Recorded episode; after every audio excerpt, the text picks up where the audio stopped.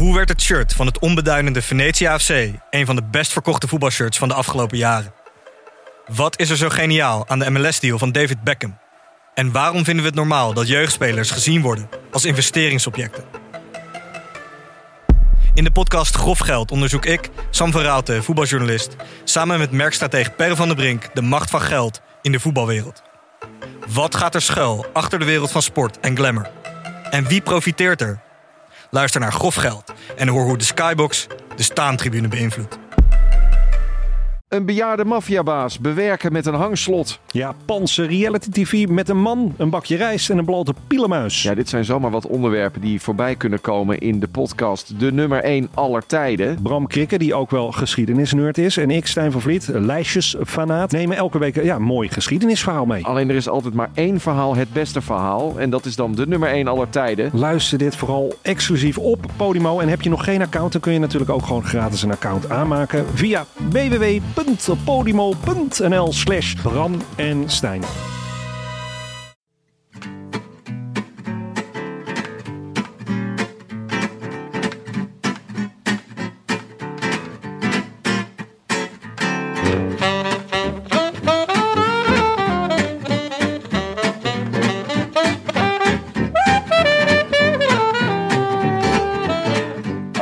Zondag 21 april, eerste paasdag en de dag van de enige klassieker op Nederlands bodem.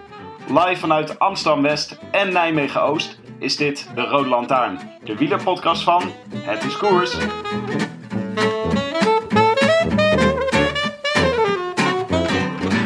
Het is geweten wie de beste is, zei Michel op 4 kilometer van de meet. Julien Alaphilippe counterde een aanval van zijn medevluchter Fuglsang en de koers leek in de plooi. Leek. Maar ja, vind maar eens woorden voor wat we daarna zagen. Feiten dan maar. Op 5 kilometer, een minuut en 9 seconden. Op 4 kilometer, een minuut en 5 seconden. Op 3 kilometer, een minuut rond. Op 2 kilometer, 48 seconden. Op 1 kilometer, 8 seconden. En toen sprak Michel het is toch niet waar? Het is toch niet waar? Het is wel waar. Het is Van der Poel die de Amstel Gold Race wint. Uitgeslagen positie? Wat is me dat allemaal? Man, man, man. Tjonge, jonge, jonge. Man, man, man. God en klein pierke. Mathieu van der Poel. In Clark with him, Shackman, Balde, Madwa. There's Lombrecht, Trentin, Demarchi and Mollema, but it's the front three we're occupying ourselves with at the moment. This still could be anybody's. We've had one breathless finish already today. We're going to have another now inside the final couple of hundred metres. It's Alaphilippe who takes up on the right hand side. Look at Van der Poel going from behind though. Look at Van der Poel on the left hand side. Mathieu Van der Poel's going to do it. Mathieu Van der Poel, this is incredible. I have never, ever seen anything like this in my life. Mathieu Van der Poel has done it. I wish I could be in the south of France. In the south of France. Sitting right next to you. Kijk, dat vind ik dus wat, hè Willem. Het is nu, we moeten toch voor eens en voor altijd wel even vaststellen dat Mathieu van der Poel godverdomme gewoon een Nederlander is. ja, ja, nou ja, die Nederlandse kampioenstrijd die, eh, die deed ons al iets vermoeden, volgens mij. maar we citeren zelfs de Belg, het commentaar van de Belg in onze intro. Ja, En, een- en, een, en een Brit. ja, ja, schitterend toch? Ik, ik kan er geen genoeg van krijgen. Ik wil van de hele wereld weten wat ze van onze Mathieu van der Poel vinden. Ja, ik ga ook altijd. Ik ga na, als eh, Ajax eh, zo eh, geweldig speelt tegen Juventus, ga ik de dag daarna. Kan ik ook niet genoeg krijgen van buitenlandse pers. En bij Mathieu van der Poel wil ik het commentaar horen van alle anderen. Ja, Lance, Lance Armstrong vond het de mooiste koers die hij ooit had gezien, zei hij. Ja. Ja, wacht. Laten we voordat we over de koers gaan praten. Ah, ik ben er vol van. Even onze. Ja, ik ben er ook vol. Ik moest echt ook even. Ik heb na afloop heb ik gewoon wat ik eigenlijk nooit doe, heb ik op, de, op mijn mediabox heb ik een paar keer teruggespoeld om het gewoon weer opnieuw te kijken. Want Ja. het was gewoon, ik, ik kon het niet in één keer verwerken. Ik moest echt even liggen. Ja. ja. Even met een nat washandje op mijn voorhoofd. Ja, eigenlijk wel. Hey, maar ehm, we hebben een bijzondere uitzending vandaag. Niet alleen omdat Jonne er niet is. Dat hadden we natuurlijk vorige week al aangekondigd. Want die zit eh, met zijn lief in Rusland. Barbecue bij onze boy Vino. Maar jij bent ook niet in de hoofdstad. Hoe zit dat? Nee, ik ben, eh, ja, het is Pasen natuurlijk hè, vandaag, Willem. Dat is waar. En eh, ik moet, moet eerlijk zeggen, vorige week in de uitzending kregen jullie er al een klein voorproefje van. Ik heb een Iwan moeilijke dochter op het moment. En ik kreeg het met, eh, ehm, met de planning eigenlijk niet helemaal voor elkaar om gewoon gezellig met jou mano a mano op de bank te zitten, zoals normaal. Ja. Zonde. Dus ik zit in Nijmegen. Ja. Normaal gesproken heb je echt een topdochter. Dat Ja. mag ook wel eens Ja, gezegd. ze- Maar ze zit gewoon een beetje in een eh, Peter Sagan fase. Ja, ze is, eh, normaal slaapt ze altijd heel erg goed, maar ze heeft eh, inderdaad zijn Peter Sagan fase. ja, dat is, dat is denk ik wel. Dat is een beetje hoe het, hoe het ervoor staat bij mij. En daar moet je toch daar moet je goed mee omgaan. Ja, maar dus wij, doen, daar had ik even de tijd voor genomen. wij doen dus nu... wij, wij bellen nu feitelijk met elkaar. Dus eh, voor het eerst dat ik niet eh, rechtstreeks in jou of in Jonnes ogen kijk, maar ehm, eh, naar de badjas van mijn vriendin. Ik Ja. praat nu in een, in een kledingkast, feitelijk. Waar kijk Ja. jij op uit? Ik, nou, ik, ik heb echt een schitterend uitzicht. Ik zit namelijk voor een spiegel. Ah, wauw. Mhm. Maar ik zit achter een klein tafeltje. Want de kledingkast is altijd goed voor de akoestiek. Hè? Als mensen denken, waarom zitten, me, waarom zitten Willem en Tim in een kledingkast? Ja, ik heb dat van de kleding valt het geluid goed op. Ik heb zelfs een, eh, zelfs een handdoek, een badhanddoek over mijn tafeltje gelegd. Want dat schijnt dan ook Oh, ja. nog extra te dempen. En eigenlijk ook nog een kleedje onder je tafel, Willem. Dan ben je echt helemaal eh, Oh. de man. Sorry, ik heb wel de gordijnen dicht gedaan. Dat is ook een hele goeie. Maar ik hoop dus dat wij nu een beetje goed te horen zijn. Ik ga uit van, eh, van de wonderen der techniek. Dus zelfs al heb ik alles verpest aan de instellingen, dat jullie het toch weten te redden. Willem, ik had trouwens nog heel even wat eh, vandaag. eh, het is weer zo'n schitterende dag. Dat hebben we bij de laatste paar eh, klassiekers. Hebben we dat de laatste paar weken hebben we dat de hele tijd. Ik ben, begin helemaal in de vakantiestemming te komen hierdoor. Als er Goed, wielrennen is en zo mooi weer buiten. Ja. En wij binnen zitten met de gordijnen dicht. Hoe vroeg was je erbij vandaag? Nou ja, kijk, de koers begon pas vrij laat. Hè? Het is kwart over twee, eh, half drie begonnen, pas, eh, begonnen de mannen pas. En ik had de dameskoers heb ik wel eh, gekeken, maar wel met een schuin oog. Want ik moest ook nog gewoon een beetje huishouden doen. En de, ik heb vandaag de auto gewassen. Over klassieke eerste paasdag activiteiten gesproken. Maar ehm, dat kon allemaal keurig in de ochtend. Dus ik had een paasontbijt. Ik heb de auto gewassen. Ik heb het huis een beetje aan kant gemaakt. En toen had ik nog alle tijd om rustig te gaan zitten in mijn stoel. Dus, eh, maar ik heb wel eh, vanaf het begin van de, de uitzending eh, heb ik, heb ik meegekregen. En ik, normaal gesproken is altijd dat ik, ik weet niet, waar, op welke zender heb jij de koers gekeken? Ja, op de, op de Hollander. Ik zag in, in mijn, in mijn notitieboekje, zag ik, ons gezamenlijke notitieboekje, zag ik staan Ja. dat jij ook op Nederland eh 1 hebt gekeken. Dat is Ja. nog wat, Willem. Dat was het eerste kwartier. Oh. toen, toen ben ik uit, uit pure wanhoop ben ik weer, eh, ben ik weer, weer terug, teruggevallen in mijn oude patroon en naar Michel en José gevlucht. Oh, wat dan? Wat, wat deed het hem? Ja, ja, nee, ja, het is, het is toch gewoon een beetje. Kijk, ik hoop dat. Ik hoop. Nou ja, en normaal gesproken neem ik me dan voor om de enige Nederlandse klassieker wel op de Nederlanden te kijken.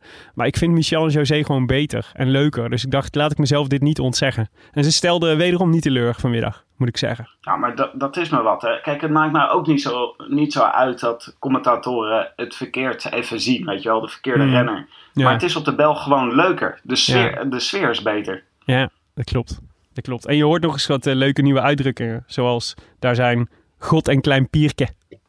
Ja. wat betekent dat? Ehm, eh, God en klein pierke. Ik weet het niet. Eh, volgens mij zoiets als God en alles en iedereen. Ah, Ja, waarschijnlijk. Ik zie de, ik zie de rectificaties alweer vollopen. ja precies. Nou, ik, ik, volgens, mij, volgens mij klopt het wel ongeveer. Maar ja, we gaan het zien. Over, rectifica over rectificaties gesproken, Tim. Je was Nou. er even niet en, eh, en prompt stroomde de mailbox vol. Ja, maar eh, ik vond wel, eh, je bent er de hele week ben je er druk mee geweest. Want het, was, het, het regent inderdaad klachten op een, op een aantal onderwerpen. Maar Ja. ik vond dat jij de communicatie-woordvoering goed deed deze week. ja, vond je, was je trots op mijn lijn? ik, ik was zeer trots op je. Dat is ook belangrijk, hè? Dat we staan voor wat we maken. Ja, precies. Ja, ik ben wel een paar keer geswitcht van, eh, van defense line, moet ik eerlijk zeggen. Want eh, ik neem aan dat jij refereert aan het Paul Martens Maarten Wijnands incident. je bedoelt die, die, eh, die ene, bedoel je? Die, die ene renner. Ja, die, eh, nee, wel. Ik had gezegd dat, eh, en Jonne had me daarin bevestigd overigens. Laten we die ook maar meteen onder de bus gooien. Is eh, dat, eh, dat, eh, maar, eh, dat ik zei Paul Martens had moeten wachten op Wout van Aert in de kopgroep in Parijs-Roubaix vorige week. Want van Aert reed achter, achter de groep en Martens zat, zei ik, achter, achter in de groep te hangen. En die deed eigenlijk niks. En die had prima even af kunnen zakken om van Aert bij te staan. Maar het was helemaal niet Paul Martens. Het was Maarten Wijnands. Ja, Nou ja, dat betekent niet dat Paul Martens ook niet gewoon had moeten wachten. Paul, Paul Martens zat namelijk op hoogtestage in de Sierra Nevada. dus het was echt een beetje gek geweest als hij gewacht had op Wout van Aert.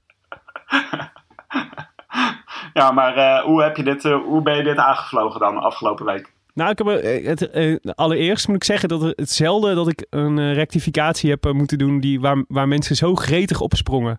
Zeg maar echt, ik denk een uur nadat de uitzending online stond of zo, zaten de eerste berichten al in mijn, in mijn Twitterbox. Over dat, Ja. ik, dat ik die twee, die twee door elkaar had gehaald. Maar het hield Een niet op. soort, s- soort doorbraak was dit voor jou, had ik het gevoel, Willem. Ja, misschien Dit wel. Maar de, echt, hele eh, week, ja. eh, de hele week kwamen er mensen op terug. Tot in de, in de Live Slow Ride Fast podcast aan toe werd me, werd me aangevreven dat ik deze fout had gemaakt. Het was een doorbraak naar het grote publiek. Want Ja. met gewoon een wieneranalyse bereik je natuurlijk het grote publiek niet. Maar met zo'n fout. Ja, maar het pijnlijke was dus, ik was dus, eh, ik bedacht het me echt tien minuten nadat ik van, van jou was weggefietst, schoot me in één keer te binnen, hey, dit was helemaal niet Paul Martens, dit was Maarten Wijnands. Maar dan kun je niks meer doen, hè? Je kunt niks meer doen. Het is uit je handen dan. Ja, Dus het was echt een schaamtevolle fietstocht dan. terug naar huis was het. met zo'n bel reed jij door de stad. Shame, Ja, shame. shame, shame, shame. Ja. Maar toen, eh, toen ik eenmaal thuis kwam, heb ik, eh, heb ik eh, maatregelen genomen. Die heb jij ook wel gezien. Want toen dacht ik, ja, ik moet, hier, ik moet hier de meubelen redden voor de Rode Lantaarn. Want dit is zo'n zo'n zo'n enorme blunder. Die, daar, hier komen we niet meer overheen als we niet oppassen. En toen heb ik, Ja. ben ik naar Wikipedia gegaan. En toen heb ik bij Maarten Wijnands ingevuld dat zijn bijnaam Paul Martens is. ik vond dat echt een meer dan uitstekende oplossing. Clean gewoon. Dus nu klopt het weer. Wat we zeiden in de vorige Ja. uitzending. Ja. Maar dit, was, eh, dit duurde even toch voordat je hier kwam. In het begin reageerde je gewoon even agressief. Daarna heb je je Twitter twee dagen uitgezet. Ja, precies. En toen dit. Dit is hoe ik normaal gesproken op conflicten reageer. Oké, en, eh, eh, we hebben meer fouten gemaakt. Dit was wel de grootste Ja. hoor. Maar we, we hadden het over de, de recordpoging van Victor Kampenaerts. Die geslaagd is, overigens. Gefeliciteerd Victor. Impressive. ja.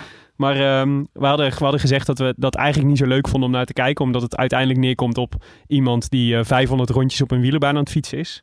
En toen wees Koen Buitenhek wees ons erop dat, eh, dat, het, eh, dat het natuurlijk niet 500 rondjes was. Want als hij 500 rondjes zou rijden in een uur, dat hij dan al snel 125 km per uur gemiddeld zou fietsen.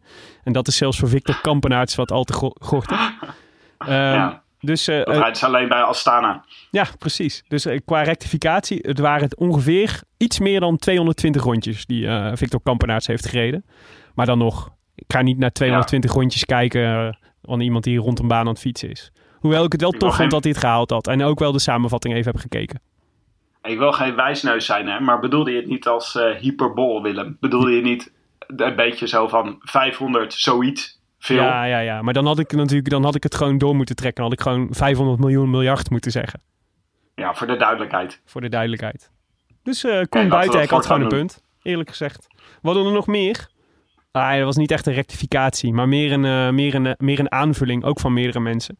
Ik stak namelijk de loftrompet over eh, de kleedkamer, die een mooie serie op Sporza. Die eh, de afgelopen maandagavonden telkens werd uitgezonden. Meestal in aanloop, of naar aanleiding van een klassieker. En eh, we hadden het over de Parijs-Roubaix-uitzending die prachtig was. Met Sepp van Marken en Johan van Summeren. eh, en Matthew Heyman en Lars Boom. Eh, en toen zei ik, eh, zei ik eh, van je, moet, je, moet, je kunt ze terugkijken eh, online. Alleen dan moet je zo'n profiel hebben van Sporza. Maar dat blijkt dus helemaal niet zo te zijn. Meerdere mensen wezen ons erop dat de kleedkamer ook gewoon op YouTube te zien is. Dus als je hem nog eh, wilt terugkijken, dan kun je gewoon op YouTube zoeken op de kleedkamer. En dan, eh, dan vind je de aflevering met Parijs-Roubaix. Dus dat is een mooie aanvulling van Engel Kool- Koolhaas. Wat een geweldig nieuws. Ik, ik, was, ik was echt een beetje. Ik, was, ik voelde me een beetje boos op Vlaamse tv. Dat ze die kleedkamer nooit konden zien. Ik heb echt pogingen gedaan, maar het is gewoon niet in me opgekomen om ook gewoon op YouTube te kijken. Nee. Zou het wel legaal Nou zijn? ja. Nou ja. Ja, Niet of dat- iemand, misschien heeft een fan het online gezet, bedoel je? Ja, precies. Maar ik zag dat, eh, ik had het ook al getweet dat het op YouTube stond. En die tweet werd geliked door Ruben van Gucht. Dus ik dacht, dat is wel een soort koninklijke zegen die we daarmee krijgen om het op YouTube te kijken. Ja, precies. Maar het is nu alweer afgelopen, toch, de kleedkamer? Of, eh, komen Ja, ja, ja, eh, maar je kunt ze nog terugkijken. Nee, maar er komen volgens mij in aanloop van naar de tour komen volgens mij weer nieuwe, komen volgens mij weer een aantal nieuwe eh, afleveringen. Ah, ja. Dus er staat ons dit seizoen nog wat te wachten. Maar het is echt, het is echt heel mooi. En, en nu, ja, we gaan nu langzaam maar zeker richting de Amstel Gold Race. En daar hadden we natuurlijk ook al op vooruit, vooruit geblikt. En daar hadden we ook nog een paar foutjes gemaakt. Met name over de benamingen van, van cruciale punten op het parcours. Namelijk, we hadden gesproken over eh, de IJzeren Bosweg.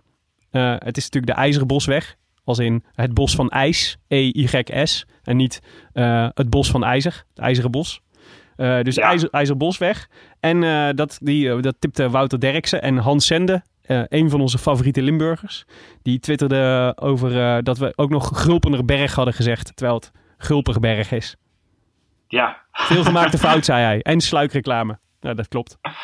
ik, ben, ik vind dit allebei van die fouten die je dan eh, één keer herstel je ze wel, maar een kwartier later maak je ze weer. Dus waarschijnlijk hebben we het zo meteen ook over de IJzeren Bosweg en de Gulpenerberg. Ik hoop erop. Ik hoop erop. de, de IJzerbosweg en de Gulperberg. Hey Tim, Hoe spreek jij dat uit, Willem? de IJzerbosweg en de Gulperberg. Oh ja, de Hulperberg. hey, maar eh, nu we niet bij elkaar zitten, is het, eh, hebben we ook een natjesprobleem. Ja, nou, een natjesprobleem. Ik, eh, ik eh, dacht, eh, volgens mij neemt Willem maar één soort biertje mee naar zo'n uitzending als dit. Het is namelijk een Amstelbiertje. Dus ik ben met een Amstelbiertje hier gaan zitten. Ja, dat vind ik echt heel netjes van je. En ik dacht inderdaad ook, dat moet ik eigenlijk ook doen. Maar ik vind Amstel eigenlijk helemaal niet zo heel erg lekker. Dus, dus, Dus? toen keek ik in de koelkast en toen dacht ik, ja, ik heb ook nog gewoon een, een lentebier van, van brouwerij eh, Jopen in Haarlem. Dus ja. En dacht, het is, toch, het is toch audio, dus niemand zal het ooit weten als ik gewoon zeg dat het toch een Amstel is. Dus ik drink Nou, nu eh, een Amstel. Lekker, laten goed we idee van je, Tim. we- ik moet eerlijk zijn, ik zit hier met een brandbiertje. ik dacht ook, ik kom er wel mee weg. Ja. Ik dacht, maar ik wilde het jou ook wijsmaken dat ik gewoon een Amstelbiertje had. maar goed, we hebben twee echt- Amstelbiertjes. Echt smerig. Stel je voor dat ik hier daadwerkelijk naar de supermarkt was gelopen om een Amstelbier tegen mijn zin, tegen heugen en meugen, een Amstelbiertje had zitten drinken omdat ik dacht solidair met jou te zijn. Door de regen. Ja. Jeetje. Dit zou Jonne nooit flikken hoor, dat kan ik je wel vertellen. ja, maar ja, ik wilde, je dat, eh, ik wilde je dit pijn ook niet doen, weet je. Dat ik niet een Amstelbiertje had. Hmm. Dus het was eigenlijk om jou te beschermen, Willem. Nou, laten we maar, eh, we- laat, laten we maar open trekken, oké? Op het wielrennen, Willem. Ja, cheers. Cheers. Hey, ehm, heb jij de dameskoers ook gezien? Eh, nee, ik heb die helaas moeten missen. Maar ik heb er wel veel reacties op gelezen. Want het schijnt nogal een ontknoping te zijn geweest. Ja, het was echt, eh, het was echt een spectaculaire ontknoping. En, en, en ik had altijd een... ehm, nee, ik had geen haat-liefde verhouding met Annemiek van Vleuten. Maar ze, ze deed me nooit echt heel erg veel. Maar Annemiek van Vleuten heeft echt mijn hart gestolen na afloop van de wedstrijd. Daarover zo meer. Maar het was echt een schitterende koers bij de dames. Want ik had hem wel even gekeken. En de, de, het grappige was dat daar de Kouberg dus heel belangrijk was. Die zat echt heel prominent in de finale. En Nieuwa Donna, dat is zo'n eh, zo'n eh, een Poolse, die ging daar aan. En eh, Marianne Vos, die leek even te kunnen volgen. Ehm, maar, eh, en, maar, en vervolgens ging Van Vleuten aan. En die kwam echt, die, die kon er echt net niet bij Nieuwe Donna aansluiten. En die won vervolgens, Nieuwe Donna. Maar die Van Vleuten had zich dus helemaal compleet leeggereden in de poging om die Nieuwe Donna nog te achterhalen. En toen werd ze echt, eh, nou ja, 20 meter achter de finish opgevangen door een verslaggever.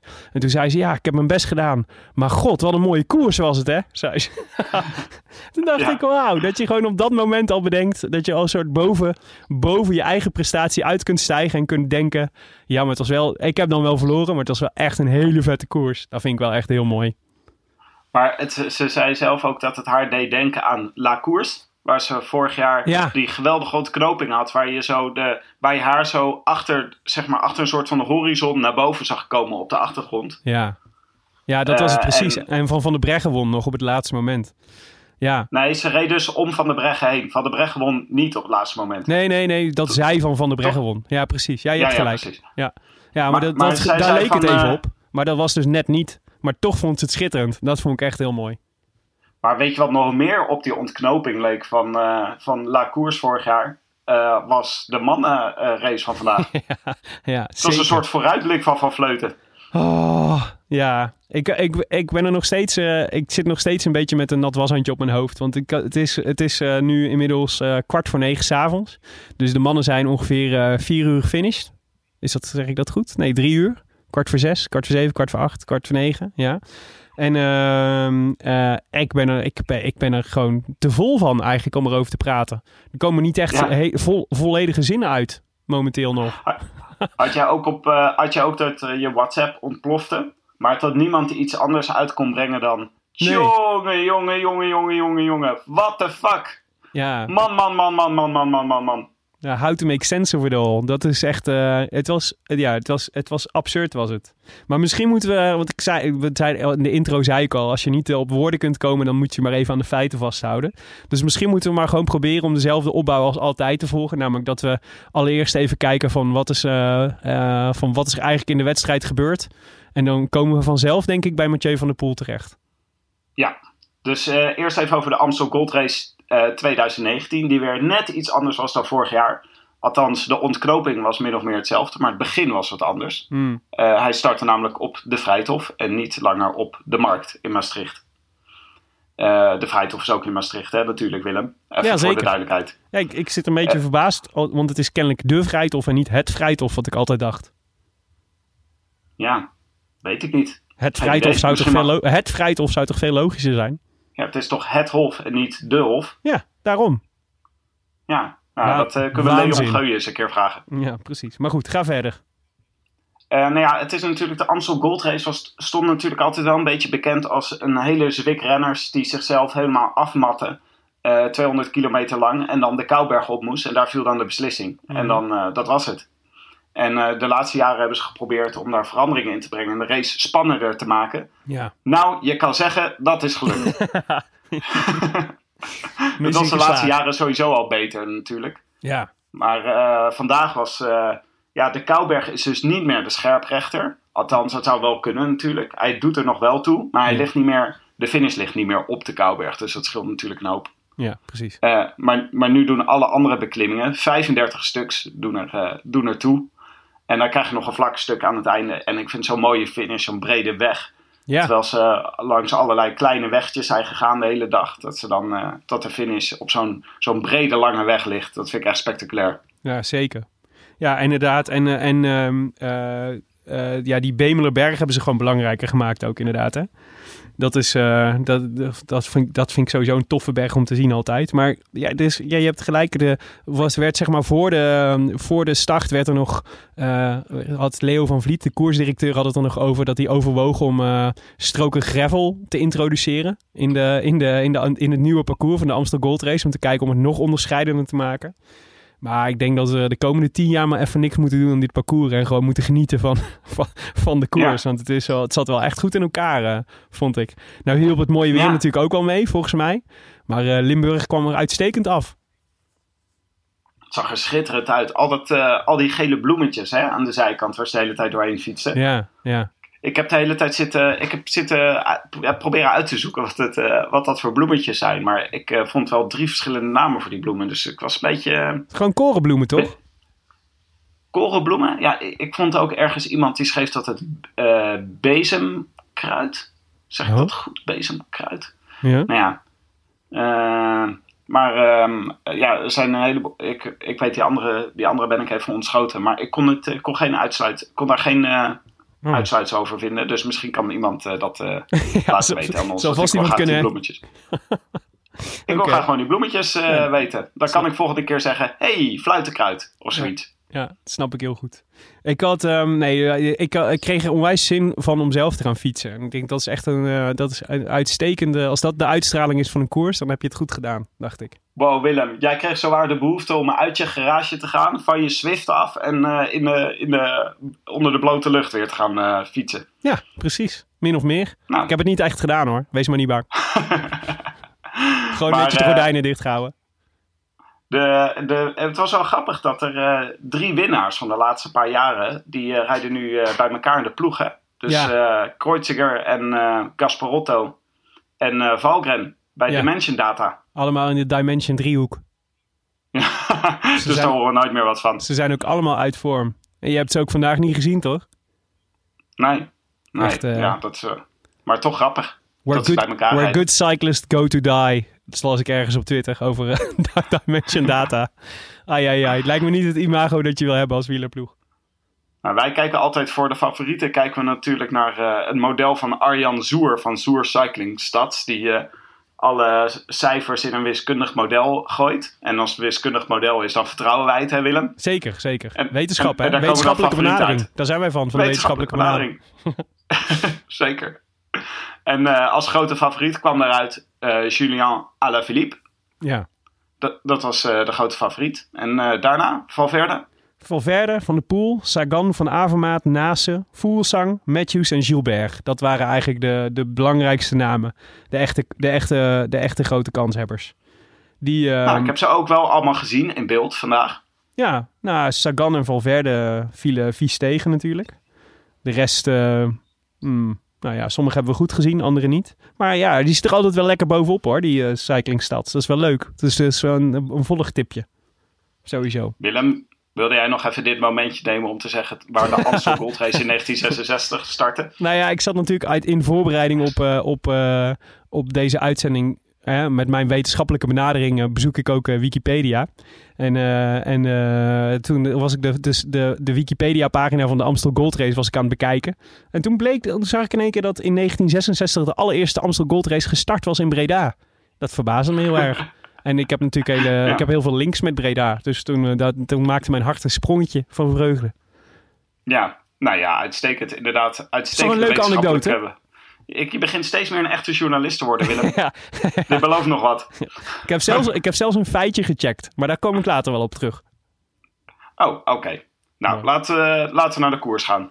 Ja, precies. Eh, een mooi eh, interviewtje voorafgaand. Zo'n interviewtje wat later wordt uitgezonden, weet je wel, op de Belg. Mhm. Was eh, Ma- Maarten van Gramberen van Sportza. Van Gramberen heet hij. Van Gramberen.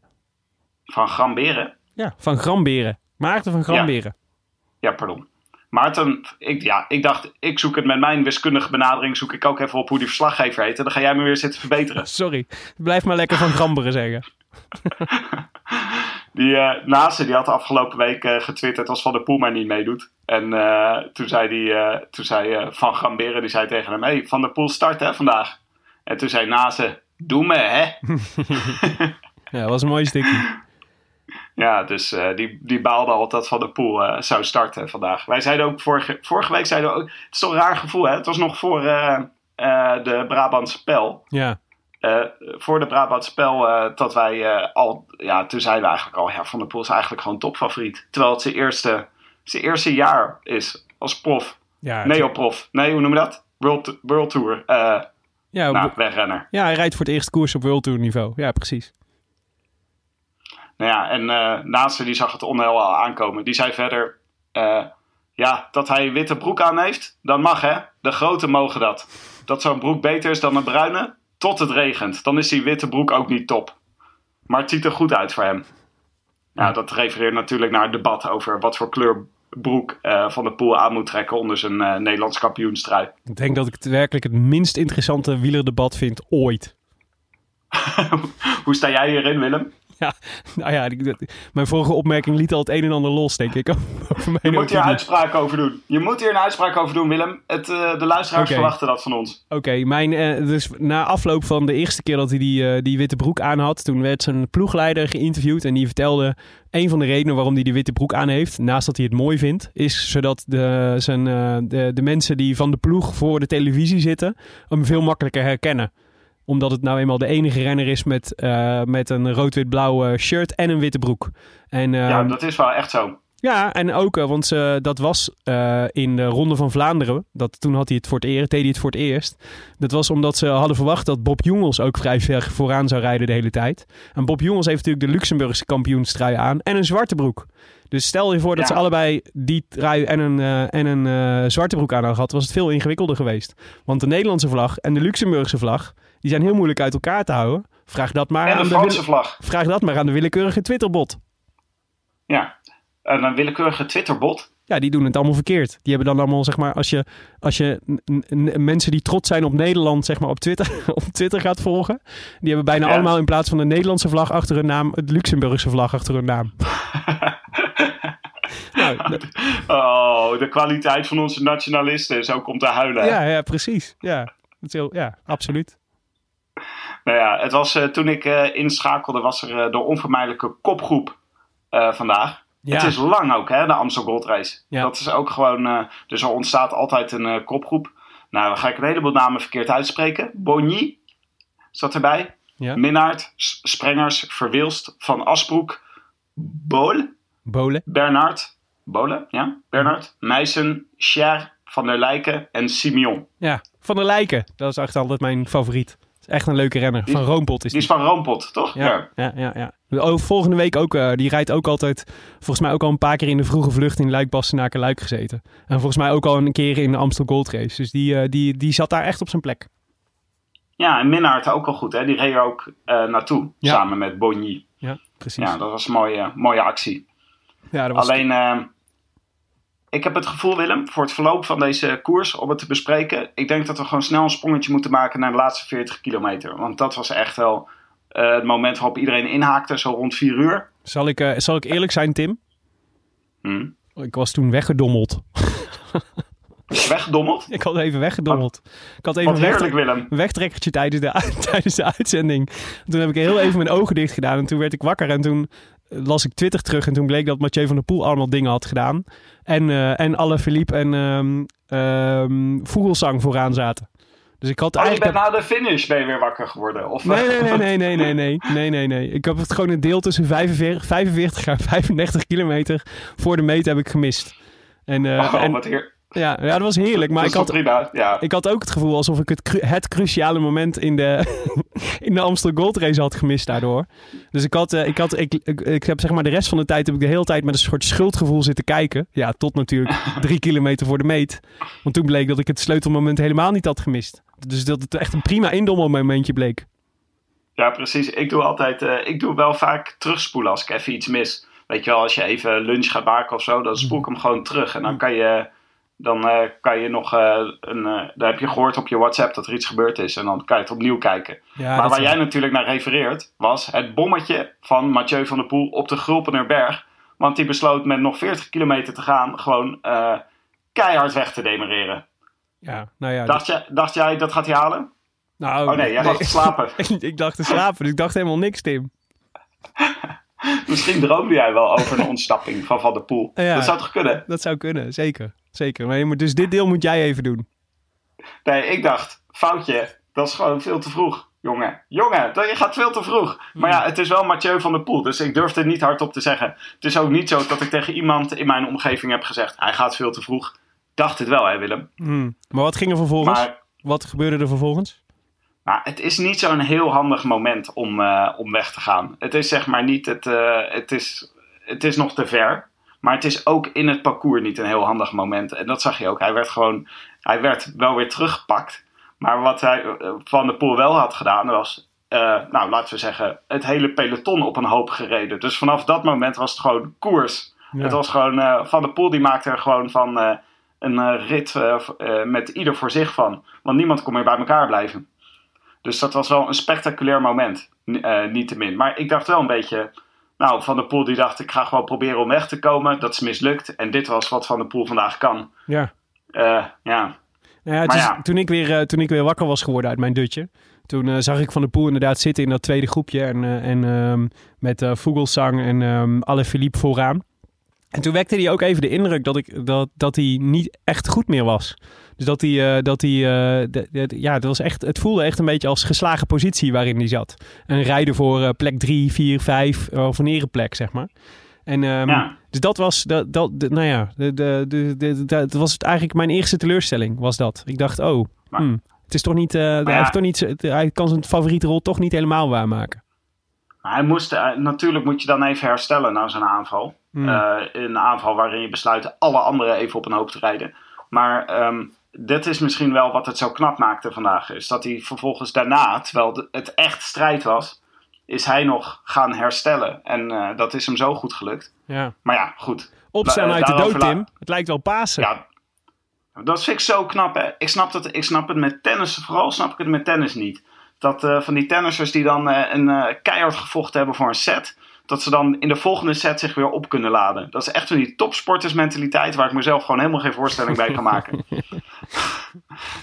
en dat heeft, hij, heeft Van der Poel natuurlijk. Ja, ja. Dus hij is, gewoon, hij is gewoon de Roger Federer van peloton, Willem. Wil ik maar zeggen. Oké, nou, we, gaan- we zullen straks nog een potje, een wedstrijdje vergelijkingen met Mathieu van der Poel doen. ja, precies. Maar Maar, wat je, 1-0 wat je ook gemist hebt. Eh, ja, eh, ja, die kunnen we alvast opschrijven. Maar wat je ook gemist hebt, Willem. eh, van der Poel inspireerde de rest. Want toen, was het, toen was de oorlog.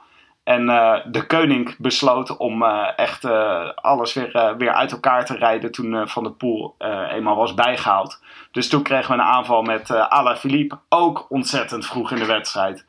Dus toen dacht je wel van, dit is niet gewoon Mathieu van der Poel die iets geks doet en eigenlijk te licht is. Nee, Alaphilippe gaat ook zo vroeg, want die ziet Van der Poel gaan en die denkt ook gewoon, nou, dan is het ook strijd. Mhm. En eh, met heel veel moeite kon eh Vogelsang aansluiten. Nou ja, met heel veel moeite. Hij zag er ook goed uit hoor. Ja, maar daarachter zeker. kreeg je een kopgro- kopgroepje met Trentin, Kwiatkowski en Woods. Eh, en nou, toen, toen dacht je, ja, nou, daar hebben we alle kopstukken hebben we al voorop zitten. hè. Ja, precies. En dit was Deze denk ik het moment dat jij weer wakker werd. Ja, ja, ja, ja, zeker. Ja, het eerste moment wat ik weer zag was inderdaad Sagan die er, eh, die er doorheen zakte. Dat was wel ehm, een tikje ontluisterend. Ja, ik heb dat niet in beeld gezien, maar is die gewoon eh, iemand. eh, ik hoorde iemand zeggen dat Ja. hij gewoon is afgestapt en een beetje zo met, met, met weinig misbaar het publiek is ingelopen. Ja, en hij moest- verdwenen. Hij moest gewoon lossen. Ja. En ja. ja, daarna heb ik het niet meer gezien. Maar ja, het is wel ontluisterend, zeg maar, op dat moment. En, eh, en, eh, en eh, weet je, waar je, waar je hem... Het is toch ook best wel een koers voor hem, zeg maar. Die die goed, zou, goed aan zou moeten kunnen. Maar ja, het is zo exemplarisch ook voor zijn voorjaar. Dus ja, het was... En, en het lijkt al eigenlijk alleen maar slechter te gaan iedere keer. Dus ja, het is wel treurig hoor. Treurig verhaal. Wat zou er met hem aan de hand zijn, denk je? Want ze zijn er heel schimmig niks- over, hè? Ja, nou ja, schimmig. Ze zeggen gewoon niks bij Bora. Ja, de- nou ja, goed. Dat, dat noem ik schimmig.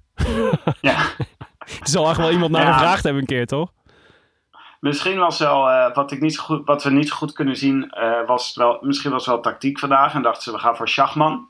Ja, Hadden ze dat afgesproken en heeft Sagan veel eh, werk voor hem gedaan of zo. ja, Dat zou kunnen. ja. Maar ik hoorde ook de suggestie, iemand die zei, iemand, volgens mij was Jonne die naar ons WhatsAppte, misschien heeft hij wel liefdesverdriet. Nee, dat was ik.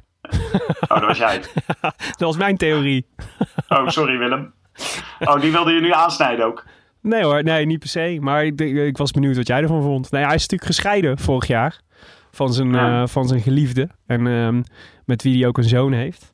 En eh, ja, ik kan me voorstellen dat dat wel... eh, Nee, mijn theorie was dat dat in combinatie met het gevoel... ik heb alles al gewonnen.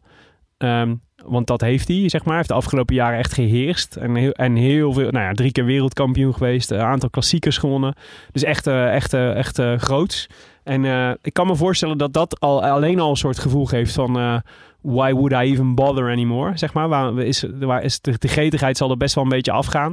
En als je dan zoiets naars meemaakt in je privéleven... kan ik me helemaal al voorstellen van... ja, maar waarom doe ik het eigenlijk nog? En die, dat gevoel krijg ik een beetje bij Sagan. Dat was altijd een beetje de, de, de, de vrolijke jongen, zeg maar. En nu is het soort... Nu, nu, ik, nee, als je nu in zijn ogen kijkt, zie je vooral verdriet. Ja. Achter die grote, achter die grote Oakley zitten heel veel tranen. ik denk het ook. Heel veel tranen die druppelen onder die Oakley vandaan. Iemand moet Nou, hem gaan knuffelen. Dat is mijn, eh, dat is mijn, eh, dat is, dat, dat is mijn mening. Ja, en ik vind het, maar ik vind het wel echt jammer, want ik vind Sagan hier wel gewoon bij horen. Het is toch een beetje de slatan van het peloton, als Ja. we nog even in de categorie ver- vergelijkingen blijven. De wat, man? Hij hoort gewoon goed de, de slatan, dacht ik. Oh, de Zlatan. Oh, ja. Zeker. Ja. Ja. Eh, maar eh, ik vind gewoon dat hij, hij hoort er gewoon bij te zijn in die finale. Hij geeft, alle, hij geeft de koers altijd kleur. Mhm. En een Sagan die gewoon geruisloos afstapt, dat, eh, dat hoort niet. Nee, Daar is iets. klopt. De twee beste renners in de koers hebben elkaar gevonden, zei José. Toen, eh toen Vogelsang en Alaphilippe voorop reden. En de, de- het achtervolgende groepje, waar Woods inmiddels gelost was. Dus dat, dat waren Trentin en ehm Kwiatkowski. Ja. Die, eh, die kwamen eigenlijk niet echt dichterbij. En toen was eigenlijk het moment dat we dat eigenlijk eh, gaf, eh, gaven Michel en José gaven de koers al aan, aan Vogelsang en, ehm en Alaphilippe. En was het eigenlijk vooral de vraag van hoe gaan ze dit uitspelen. Maar Het was ook een beetje een secondenspel hè, op dit moment. Want het was gewoon, het was echt heel erg hard strijden om een paar seconden dichterbij te komen. ja, En dan werd het gat weer wat groter. ja. Ik bedoel, op de Kouberg en de Bemelerberg ehm, lukte het echt. Kwiatkowski en ehm Trentin lukte het niet om dichterbij te komen. Want die andere twee konden gewoon beter klimmen. Ja. zijn gewoon betere klimmers. Ja. En dan, dan eh, werden we weer een paar seconden uitgelopen. En dan op het vlakke liep het weer een klein beetje dicht. Maar het leek Mhm. echt alsof de koers op slot zat eigenlijk op dit moment. Ik Ja. vond het nog steeds eh ontzettend mooie koers, al tot op dit moment. Ja, ja, Want, eh, zeker. Omdat die aanvallen zo vroeg begonnen. Ja. Maar het leek wel gespeeld eigenlijk, toch? Ja, daar leek, het, daar leek het absoluut op, ja. En eigenlijk kon je het scenario min of meer al uittekenen, toch? Want het was, het was ook soort koers die we al eerder hadden gezien. Namelijk in de Strade Bianca zaten die twee ook eh, voorop met elkaar. En eh, ook toen was het eigenlijk dat, eh dat Vogelsang eigenlijk... ehm, ja, die kan niet rustig aandoen. Of die kan niet pokeren uiteindelijk. Tenminste, dat dachten we. Ehm, dus Ja. die, gaat gewoon, die rijdt gewoon mee. En die reed, die reed ook een paar keer zo'n bergje omhoog... waar de, eh, alle Philippe alleen nog maar aan hoefde te haken. Je had niet echt, had twee kleine aanvallen die niet echt heel overtuigend waren. Eh, hij, heeft niet echt die aanzet, zeg maar, om echt weg te kunnen poeven. En Alaphilippe heeft hij wel. Dus al, al doet hij eh, zeg maar, zijn uiterste best, dan, dan springt Alaphilippe eigenlijk meteen weer in zijn wiel. Ja, dus eigenlijk kon je het scenario uittekenen, weet je wel. Die twee, eh, dus de... dus, eh, dus Alaphilippe rijdt met hem naar de finish en legt hem er vervolgens op in de sprint. Dat was eigenlijk het logische scenario, waar wat, wat nou ja, kon eigenlijk niet meer mis. En, eh, Ja, ook omdat je dacht, Vogelsang, jezus, je gaat toch niet de hele tijd al het werk doen en, eh, dan, eh, en dan in de sprint verliezen. Ja, maar ja, nee, ja, precies. Maar daarvan dacht ik, ja, maar wat moet hij anders? Want er zat, eh, hoe sterk Astana ook aan de, aan, de, aan de start was verschenen. Want die hadden echt een hele goede ploeg. Maar er zat niemand meer anders meer bij of zo. Dus het was ook niet dat hij een alternatief had. Wat had hij moeten doen? Weet je moeten, moeten, zich terug moeten laten zakken in de groep of zo. Dan was hij ook geklopt geweest. Dus het was, hij ik denk dat hij gewoon heeft gedacht van, eh, nou ja, nu, als, ik, als ik met rijd, dan ben ik in ieder geval tweede en heb ik misschien 10% kans om te winnen. Dus ik vond het, eh, ik, was, ik dacht, ja, het is, het is ook altijd kijken van wat is dan het alternatief voor zo'n jongen. En eh, dat, ja, dat, dat was er niet echt. Hoewel, ja, dan, je zou zeggen, je moet altijd, hè, vinden wij ook altijd, je moet ook altijd een strategie hebben om te winnen. Nou ja, misschien dacht hij, eh, het lukt me wel om hem weg te rijden of uit zijn wiel te rijden of weet ik veel wat. Maar ja, dat viel tegen. Maar goed, uiteindelijk deed het er toch niet toe. Nou, we hadden dus, eh, we hadden nu, op dit moment hebben we dus drie groepjes in de, in de, in de strijd, zeg maar. We hebben dus eh, de kopgroep met Ala, Philippe en Vogelsang. Dan heb je daarachter Kwiatkowski en Trentin. En dan had je daarna een groep met nog een heleboel favorieten, waaronder Mathieu van der Poel. En die groep die begon, dit was wel het moment waarop de groep besloot om, nou ja, het er toch op te gokken. Want je zag dat Schachman en Bardet bijvoorbeeld heel hard wegreden uit die groep. En dachten, nou, we gaan, gaan toch nog proberen dicht te rijden. Want het was 50 seconden of zo. Mhm, mhm, Nee, het was iets meer, denk ik. Het was een minuut mhm. op dit moment. Ja. En eh, ik vond het wel jammer toen ik dat zag gebeuren. Toen dacht ik, hé, hey, waarom gaat Van der Poel niet mee? Ja, dat, dat- ja, dat verbaasde mij ook. Maar ik was toen in de, eigenlijk nog steeds in de veronderstelling dat eh, Van der Poel gewoon niet echt eh, zijn allerbeste dag had. Dus ik was eigenlijk al blij dat hij erbij zat. Ik vond het wel jammer dat hij niet meeging. Maar ik dacht, ja, hij kan, hij kan gewoon niet beter. Ja, ja, dat dacht ik ook op dit moment. En toen was het nog, eh, toen hadden we eigenlijk alle beklimmingen hadden we al gehad. Mhm. Ook op de twee beklimmingen, de laatste, de laatste keer de Kouberg over en eh, de Bebelerberg, lukte het niet om er om dichterbij te komen. Nee, En toen was er nog eh 6,5, eh, nee wat was het, ongeveer 6,5 kilometer te gaan. ja, En toen, toen besloot Mathieu van der Poel, weet je wat, dood of de gladiolen. ja, ja, En toen eh, begon hij gewoon, toen reed, sprong hij weg uit die groep. Toen kreeg hij bosje renners kreeg hij mee.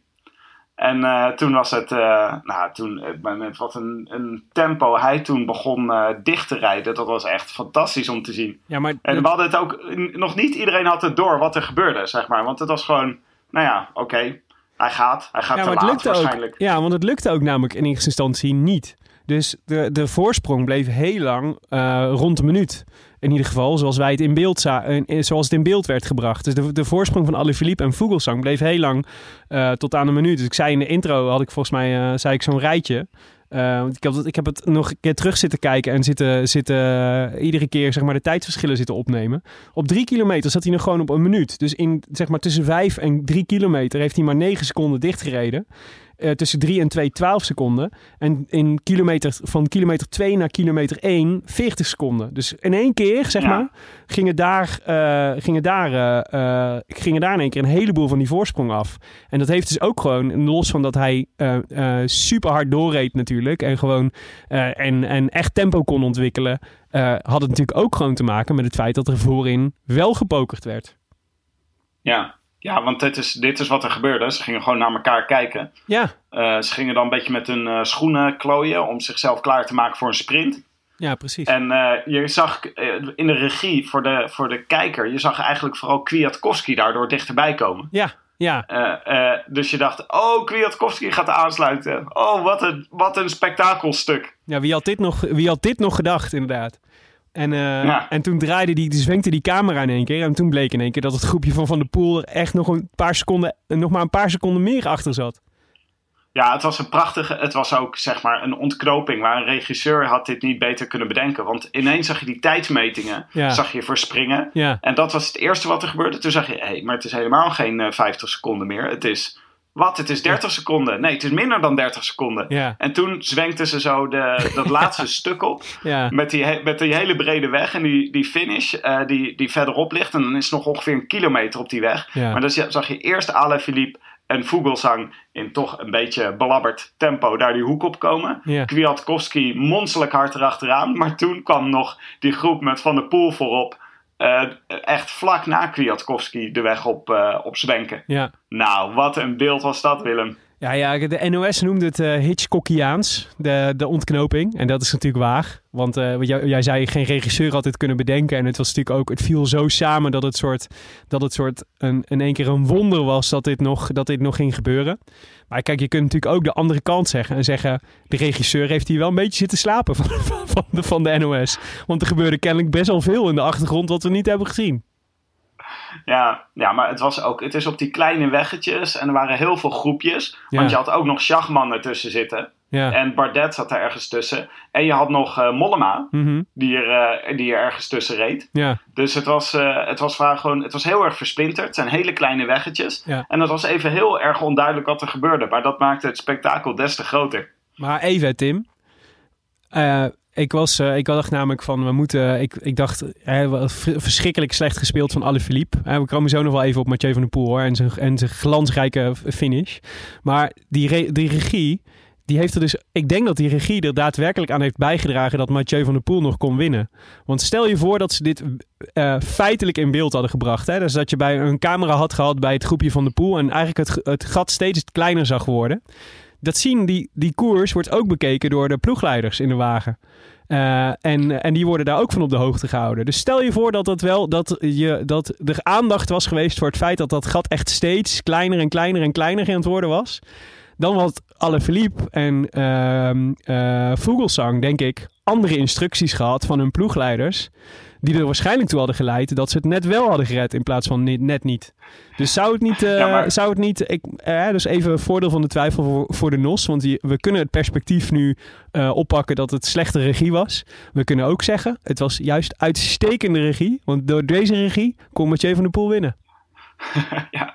nou, ik weet niet of de wedstrijdradio die ze in de ploegleiderswagens gebruiken om achter de tussentijden te komen, of die hetzelfde is als wat wij op tv zien. Maar even vanuitgaand dat dat zo is, denk ik dat er ook, wat er ook zou kunnen, is dat ze laten altijd zien wat is de koploper en de tijd op het tweede groepje en de tijd op het derde groepje. Maar in deze fase van de wedstrijd was het misschien niet helemaal duidelijk wat het eerste groepje en het tweede groepje en derde groepje was. Nee, ja, precies. Dus het zou ook kunnen dat daar iets versprongen is. Ik Mhm. ben wel benieuwd. Eigenlijk zouden we het een keer aan de regie moeten vragen. Of iemand die over die tijdsmetingen gaat. Ja, Dat er misschien dat we wel naar iets corrects zaten te kijken. Ja. Maar dat we niet goed geïnterpreteerd hebben wat die tijden betekenen. Nou, die boven in beeld Nou ja, stonden. die, kijk, die tijden zijn de verschillen tussen de motoren. Dus op het moment dat er zeg maar dat daarachter dat daar verschillende groepjes op 50 meter van elkaar rijden, dan wordt dat natuurlijk al veel ingewikkelder. Omdat, je dan, omdat er dan de motor of ertussenin rijdt, of een, dan weer 20 meter ervoor, of van het ene groepje naar de andere Ja. aan het rijden is. Dus het wordt super onoverzichtelijk. Dus ik, ik denk dat dat daarmee te maken had. Maar ja, het is natuurlijk eigenlijk, Ja. het is toch eigenlijk een beetje zot dat, we, dat wij, dat iedereen zo super verrast was. Zeg maar dat, in de, dat dat groepje van Van der Poel zo dichtbij was. Ja, maar ja, je, stelt je voor zo'n een van die motaars die gewoon achter, eh, die rijdt er achter eh, Mollema en die denkt ineens, oh wacht even, ik zit achter de verkeerde Nederlander, want Van der Poel komt eraan. Ja. En die laat zich zakken, waardoor de tijdsmeting verspringt. Ja, En eh, Van der Poel zo hard aan komt rijden dat hij vervolgens Mollema voorbij is. Ja. Waardoor die motaar en dat groepje en die, tijds, eh, die tijdsmeting helemaal niet meer kloppen. Maar dat droeg hier in, inderdaad alleen maar bij aan de verwarring. En ik kan me voorstellen dat de ploegleider van, wie, wie was het? Wilfried Peters neem ik aan. Ja, ja, ja, Wil, Wilfried. Peters, ja. Ja, dat hij op dit moment in totale verwarring was en alleen maar zei... Let erop dat je niet eh, werk gaat doen voor Vogelsang. Ja, ja, ja. Blijf achter hem zitten. Ja. Ja, dat is de positieve uitleg. De negatieve uitleg is natuurlijk dat, eh, dat eh, Wilfried Peters hier echt een blunder van formaat heeft begaan. Dat ze allemaal incompetente maloten zijn. Dat zou Nou ja, jij wel nee. zeggen, Willem. Nee, nee. Dus Qu- Qu- Quickstep is natuurlijk gewoon. Is een, en Wilfried Peters is volgens mij een echt uitstekende ploegleider. Die juist, zeg maar, zelfs in de, in de diepst van de finale altijd bezig is met details. Weet je, ik heb dat. Ik had toevallig vorige week eh, die documentaire teruggekeken over Vlaanderen. Of de Ronde van Vlaanderen 102. Dat was die waar eh, Terpstra, eh Niki Terpstra won. En daar zit Terpstra is dan op een gegeven moment in de aanval. En Wilfried Peters zit achter hem. En die zegt dan op een gegeven moment tegen hem: eh, Je hebt je zonnebril nog in je helm. Smijt die zonnebril weg. Is beter voor je arrow. Weet je wel? Dus da- dat, is, dat is dan het detail waar hij dan op let. eh, om, om, zodat, zodat Terpstra die, die, dan weer nog net iets aerodynamischer kan zijn. Dus ik vind het. Dus dat is ook je taak volgens mij als ploegleider. Maar ja, het is natuurlijk best wel raar als je als, eh, eh, als dat hij dit niet heeft gezien of dat hij dit niet voelde aankomen. Dus hij zei na afloop, ja, we hadden geen rekening gehouden met dat peloton. Toen dacht ik, ja, het is jouw taak om rekening te houden met dat peloton. Jij moet alle Philippe coachen om te, te zien hoe ver die kan gaan bluffen of niet, weet je wel. Had gewoon Ja, als ja. alle Philippe 5 km per uur of 3 km per uur harder had gereden in de laatste 3 kilometer. Dan, was er dit, dan had hij de sprint nog steeds gewonnen. En dan had hij, dan had hij de Amstel Gold Race op zijn naam geschreven. Dus het is nogal een Ja. dure fout, zeg maar, die, eh, die eh, gemaakt wordt.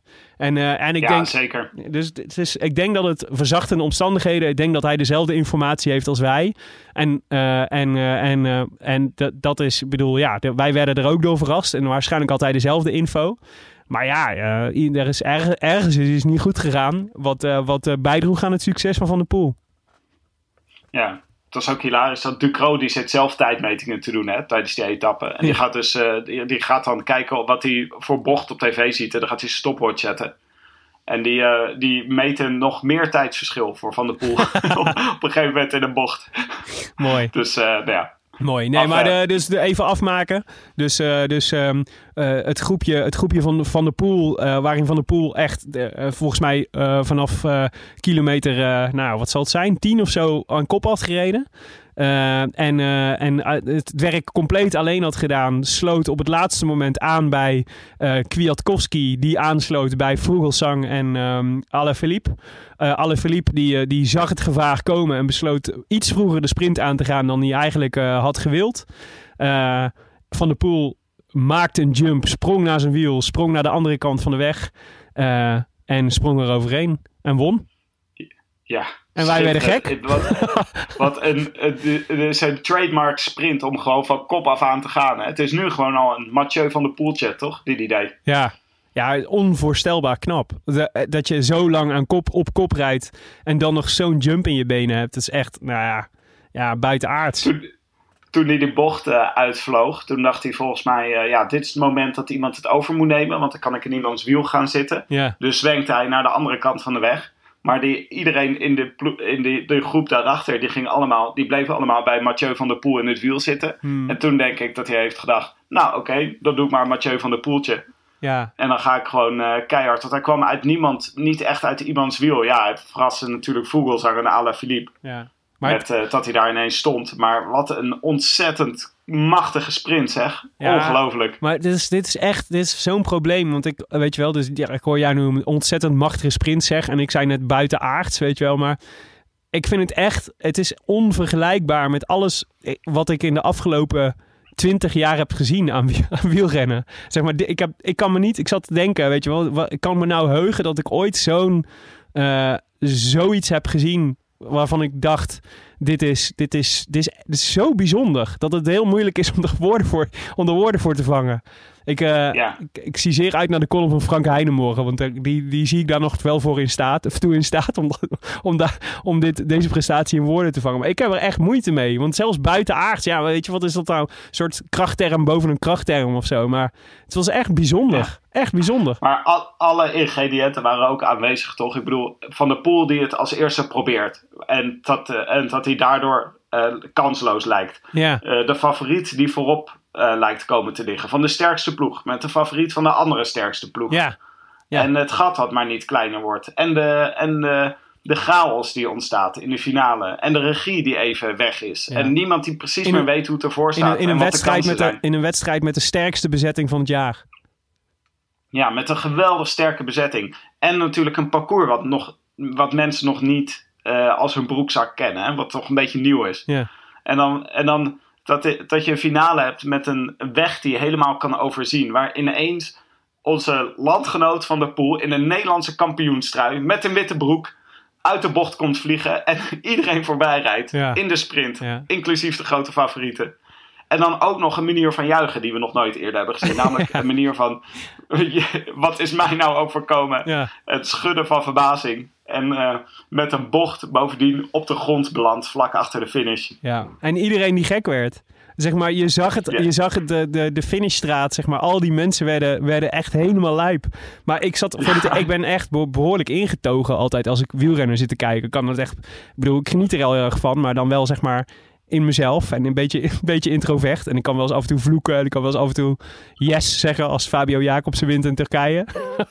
Maar normaal Ja, ja, gesproken ja. ben ik niet zo vocaal, zeg maar. Maar ik kon hier, ik, ik moest, er kwamen gewoon allerlei kreten uit mijn lijf die ik gewoon niet, die, die ook niet kon onderdrukken of zo. Dit was echt zo bijzonder. Wat, wat voor kreten waren dit, Willem? Was het weer een eh, soort gebrom of was het een beetje hoog? Ah, Dat, eh, wa- wat? Wat? zei ik heel vaak. ja. Ja, ja, ja, ik stond ook op. En ik ga, dan ook, ik ga ook altijd mensen roepen die eigenlijk helemaal niks, die ook in huis zijn en die niks met de koers hebben. Maar dan moet ook ineens, dan moet gewoon mijn 15 maanden oude dochter moet ook komen kijken. ja, precies. Dan kan ik er niet in mijn eentje mee dealen. Ja, ja, dat had ik ook. Ja, echt heel, heel, heel, heel bijzonder. En eh, echt, ehm, nou ja, ik, eh, ik- wat ik zei. Ik kan me niet heugen dat ik ooit een koers heb gezien die, die zo bijzonder verliep. Of zo, en zo op zo'n machtige wijze werd gewonnen. Het is ook een beetje, Ja. het is bijna een soort... eh, we- we- dit moet, zo moet het hebben gevoeld toen mensen voor het eerst... eh, toen Messi in zijn eerste seizoen in de Primera Division speelde, weet je wel? Dat soort, dat er in één keer iemand komt in een sport waarvan je denkt alles te kennen en te snappen. Die dan komt en die dan eigenlijk alles gewoon op zijn kop zet. Zo van, oh ja, Ja. nee, ja, hoezo kun je geen 30 goals per seizoen tien jaar lang maken in de Primera Division? Weet je wel, dat soort... Dat is dit een beetje. En eh, Ja. ja, dit is, ja, ja, hij moet er echt van bij komen. Ja, en het is. eh, ehm, ja, de vergelijking, de vergelijking is echt heel moeilijk te maken. Ik moest, gelijk, ik moest ook denken aan. eh, probeer, probeer de strijd over de beste vergelijking te winnen. Ja, we, hebben nu, we hebben nu zeg maar Federer en Messi, hè? Maar er is, ja, maar er is voor, eh, voor, eh, voor dit moment is er ook een goed moment, moment uit Federer's carrière te bedenken. Er is namelijk een stuk dat heet Federer as a Religious Experience. Waarin hij op een gegeven moment een bal in een wedstrijd tegen Agassi langs het net slaat. En daarmee een punt maakt op een cruciaal moment in de wedstrijd. David Foster Wallace heeft daar dus een stuk over geschreven dat heet Federer as a Religious Experience. Nou, het is vandaag eerste paasdag. En wat Van de, van de Poel hier deed was ook gewoon een religieuze ervaring. Wat hier gebeurde. Ja. Ik heb gewoon, ik heb, ik, misschien heb ik zelfs wel halleluja geroepen, dat weet ik niet meer. Zoveel emoties. Iemand moet hier een psalm over schrijven. Zoveel is duidelijk. We moeten van de poolpsalm komen, Ja, inderdaad. Een, een Mathieu Passion hebben we nodig. Als het, ik vind dat als we het over Van de Poel hebben, dat we hij voortaan met een hoofdletter moeten schrijven, Willem. De heilige Mathieu.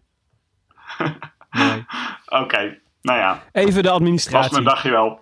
Eh, van de Poel wint voor Simon Clark. Jacob Vogelsang, die gewoon dus alle verliep nog, nog klopt in de sprint. Wat ik wel echt een heel mooi detail vond. Want die werd vierde. Schachman 5. Bjorg Lambrecht 6. Heel knap. Eh, die ook... Bjorg Lambrecht werd na afloop werd geïnterviewd door Sporza. En die was ook echt in full awe van wat hij had gezien bij Mathieu, Mathieu van der Poel. Echt, hij zei ja, we hebben, we hebben nog wel wat te leren, zei hij toen hij, toen, toen hij werd geconfronteerd met zijn eigen goede prestatie. Ehm, eh, de Marquis 7, Madouas 8, Romain Bardet 9 en Matteo Trentin 10. Eh, en jouw eh, grote vriend Tijdperk Mollema werd gewoon keurig twaalfde en kleurde ook wel de finale. Toch? Ja, ja, ja, hartstikke leuk. Ik vind wel trouwens dat die eh, shirtjes van Trek, hè, waar ik altijd zo fan van ben, zien er dit jaar toch een beetje uit als pakjes Marlboro. Had je Ja. dat ook op? Ja, ja. ja ik hou altijd wel... Weet je, ik vind dat er zo'n sigarettenwaarschuwing op een, eh, op, een, op een rug ook nog erbij moet. Ja, en er staat ook, er staat ook zo'n iets geks op zijn, eh, op zijn kont bij Mollema. Ik ben nu even vergeten wat, maar het viel me vandaag op. Dat ik dacht, wat, wat een, gekke, wat, een, wat een gek merkje heb je daar op je kont staan. En zo groot en pontificaal. Maar hier zat trouwens op nummer 11 zat Kwiatkowski er nog tussen. Ja. Natuurlijk eh, eh, ook goed om nog even te noemen. Ja. Eh, vrienden van de show, hoe hebben die het verder gedaan? Nou, aardig. Lammertink werd 44ste en Dylan van Baarle 31ste. Maar niet echt een rol, Ja, van, Van bete- niet echt een rol van betekenis kunnen spelen. Nee, maar Van Baarle zit er toch bij al deze, bij deze eendagskoersen weer goed bij dit jaar. Het is jammer dat hij... Ik, ik, hoop, ik hoop hem nog eh, binnenkort nog een keer ergens in een eh, top 5 of zo te zien. Mm. Ja. Ja, ja, dat zou tof zijn. Ehm, hij rijdt eh, volgens mij ook uh, Luik Bastenaken Luik. Dus eh, wellicht. Oh ja. De Rode Lantaarn voor spelbokaal. Nou ja, we hadden wederom... eh, het worden er... eh, het, worden er ik, ik was, de vorige keer was ik nog super impressed dat er 300 deelnemers waren. Maar dat is, inmiddels lijkt dat gewoon standaard. Wat heel tof is, want Ja. hoe meer zielen, hoe meer vreugd. Wel meer werk voor de En notaris. dan niemand, niemand die Van der Poel heeft voorspeld. Dat is toch, dat is toch straf, hè Willem? Ja, ja, nee, meer dan de helft, Tim. Het was echt, het spoke to the hype dat zoveel mensen Mathieu van der Poel tipten als winnaar. Maar ook dat, jongen, moet je je voorstellen dat, wat, we- dat die jongen doet dat gewoon. Dus die is gewoon favoriet. Iedereen roept dat. Iedereen, die hype wordt gevoed, zeg maar. En hij maakt het gewoon, hij maakt het waar. Dit is, nou ja. Ja, ja. hij is nu een maandje, maandje, maandje doet hij mee. En hij heeft, eh, nou, eh, eh, even kijken hoor. Wat hebben we nu? Het Brabantse Spel heeft hij gewonnen. Ja. Amstel Gold Race. GP de Ne, De, ehm, dwars door Vlaanderen. de, de naam. Was Vlaanderen. Ja. Nou, Ja, ik zou zeggen, zijn- keurig op schema. Er zijn heel veel renners die, zeg maar, eh, die als ze dit in hun hele carrière winnen, die dan echt eh, nog jarenlang gelauwerd worden in allerlei, eh, in allerlei kranten en, en televisieprogramma's. Maar Mathieu doet het in, Ja. in een paar weken. Ja, en dan als Nederlander, hè? niet eens als Belg. Nee, ja, moet je nagaan. Nou ja. Hey, ehm, eh, jou, jij had Mollema gespeeld voor, voor de Rode Lantaarn. Nou, die werd keurig twaalfde. Ehm Jonne had Michael Matthews, werd zestiende. Eh, en mijn eh Jon Izagirre, ja, die had gewoon een, eh, kreeg een DNS achter zijn naam. Ja, dat is did not start. Echt een beetje pijnlijk voor. maar dat is natuurlijk een beetje het gevolg van het feit dat wij het een week van tevoren iedere keer meteen als eerste moeten zeggen. En toen dacht ik, Jon is nog is een grote favoriet. Maar wat schetste mijn verbazing vanochtend, meldde Astana in de definitieve startlijst dat Jon niet zou starten. En hier komt mijn, mijn journalistieke checkmomentje. Ik heb natuurlijk, eh, we hebben natuurlijk eh, goed contact met, eh, met de woordvoerder van Astana. En dus ik dacht, laat ik eens even een appje sturen aan hem en vragen... waarom is Jon Izagirre eigenlijk niet gestart? En hij schreef... Wow, Willem. Ja, goed hè? Het wordt nog eens wat. Ja, heel goed. Hij schreef, ja, een beetje ziekjes naar Baskeland. Niks ernstig, maar ze willen geen risico met hem lopen met het oog op de Giro. Een officieel statement. Ik zie, Een officieel statement zie, van Astana. Ja, ik zie dat dat een. eh, ik zie dat je het als WhatsApp berichtje in onze aantekeningen hebt geplakt. En het lijkt daaronder alsof daar nog iets staat. Eh, oh ja, maar ik wat, had, ik- wat heeft hij daarna gezegd? Of was dat gewoon groetjes? nee, nee, eh, ik had gezegd, ik had namelijk na de vraag had ik gezegd, want dit is heel kloten voor mijn voorspelbokaal. En de, dus het, het- Oh ja. de tweede wat eronder staat is, ja, sorry, haha. Ah, oké. Ja. Nou ja, goed. Mijn journa- journalistieke in, instinct lijkt nergens toe vandaag. Nee, nee, sorry. Maar goed, ja, nou ja, dus heel veel mensen die, eh, die, eh, ehm, eh, die, die het goed hadden. Dus ja, al die winnaars, dat zijn er wel echt 150. Die gaan we, die gaan we niet, echt niet allemaal noemen. Dat zou echt een beetje te gortig zijn. Maar de winnaar is Michiel Brands. Gefeliciteerd, Michiel. Nou, leuk. Michiel. Ehm, heeft hij al groetjes gedaan? Nee, nee, nee, zeker niet. Nee. En de vorige, in de, in de vorige eh, uitzending... Nee, de groetjes mag altijd pas in de volgende uitzending. Hè? Maar eh, hij heeft in, Oh i- ja. hij- Michiel heeft in ieder geval een eh, boek uit het Wielerfonds van Atlas Contact gewonnen. En mag inderdaad de groetjes doen. En krijgt eeuwigdurend opscheprecht. Mag het op zijn eh, Twitter of zijn LinkedIn zetten dat hij de voorspelbokaal heeft gewonnen. Dat eh, deed Robert Michelet, de winnaar van, het vorige, van de vorige voorspelbokaal, deed dat ook. Eh, en die vroeg ik dus ook, wil, je, wil, wil je ook de groetjes doen in de show? En toen schreef hij me terug, bedankt, maar ik ben niet echt een groetjesmens en ik heb ook geen WhatsApp. Oké. Robert is geen groetjesmens. Nou, dat kan ook, Willem. Ja, soms, zijn, soms kom je mensen tegen en dat zijn dan geen groetjesmensen. En Robert is er zo een. Dus geen groetjes deze week. Volgende week hopelijk weer wel. Ja. Luik, Bastenaken, vind, Luik. eh, dat moet ook kunnen. Luik Bastenaken Ja. moeten we naartoe. Tim, wie gaat hem winnen? Nou, ik, eh, ik dacht, eh, laat ik maar eens Adam Yates opschrijven. Die gaat volgens mij meedoen volgende week. Die rijdt een uitstekend voorjaar. Ja. Is nog niet echt eh, iemand die heel veel wint. Hmm. In tegenstelling tot zijn broer, Simon. Maar het lijkt me zo leuk als hij dan eh, volgende week eh, dat wel, eh, wel een keer flikt. En die Yates kunnen wel demereren. hè? Dat is wel ongelooflijk. Ja, absoluut. De Adam Yates, leuke keuze. Ik had Jon het al eventjes gevraagd. Die vanuit, vanuit zijn Dacia twitterde die dat, dat of appte die dat, dat hij voor het hobbelpaard ging. Dan Martin. Die, ah ja, Dus die kiest voor Martin. Ik ga voor, dat zou leuk zijn. voor een veelvoudig kampioen in, in Luik. Alejandro Valverde. Hij zal toch een keer met die wereldkampioenstrui een, eh, een echte grote zegen moeten pakken. En willen pakken. En ik denk dat dat, eh, dat, dat eh, komende zondag in Luik gaat gebeuren. Was vandaag niet op zijn best. Of hij viel in ieder geval niet op. Ik weet niet zo goed wat de reden daarvoor was. Maar ik denk niet dat het een signaal is dat hij in Luik eh, minder gaat zijn. Dus eh, ik vermoed dat hij woensdag in de Waalspel eh redelijk zal zijn. En dan top in Luik, Bastenaak, Luik. En dan komt hij als eerste over de streep. Dus ehm, Nou, dat eigenlijk. Mooi. Als je mee wil doen, dan kan Ja. dat via, de, via eh, de Rode Lantaarn op eh, Facebook. Daar staat een post altijd bij het verschijnen van deze show. Eh, waaronder je je voorspelling kunt doen. En dat kan ook altijd via de hashtag voorspelbokaal op Twitter. Ehm, en eh, nou ja, Mathieu van der Poel doet niet mee, dus die hoef je niet meer te spelen. Gratis tip. Wanneer zien we Mathieu van der Poel eigenlijk weer? Ja, ik weet het eigenlijk niet. Eh, volgens mij gaat hij nu eerst een tijdje helemaal niks doen en samenwonen met zijn vriendin. Dat was volgens mij het eerstvolgende grote project op zijn agenda. Volgens mij zijn er, gaan er, gingen er geruchten over dat hij de WK in Yorkshire ging rijden. Oh ja, Maar dat is pas in september, dus er zal eh, misschien nog wel wat tussen zitten, maar misschien ook niet. En eh, ja, geen grote rondes in ieder geval. Waarschijnlijk wat kermiskoersjes en zo, vermoed ik zo. ja, hier. nou ja het is, eh, hij mag best even, even van genieten en even barbecue en wat biertjes drinken. Ja, wat lijkt- mij betreft. Lijkt me zeer gun. Maar jeetje joh, maar stel je voor dat, hij, dat Yorkshire, hè, dat is dus echt een, dat zei de Michel en José ook, dat is dus een parcours wat heel erg lijkt op de Ronde van Vlaanderen en de Amsterdam Gold Race. Dus hebben we hier Ja. nou gewoon een favoriet voor de wereldtitel in huis? Ja, dat, dat hebben wij nog niet meegemaakt in ons leven, Willem. Nee, Een Nederlander als favoriet bij het WK. maar dan kunnen we, zou dat dan, dat zou wel eens de eerste koers kunnen worden, dus waar we Dumoulin samen met Mathieu van der Poel opstellen. Oh, wat een generatie. Het wordt alleen maar beter. En nou ja, ja, ja, dit is echt iets om naar uit te kijken. Oh, was het maar vast september.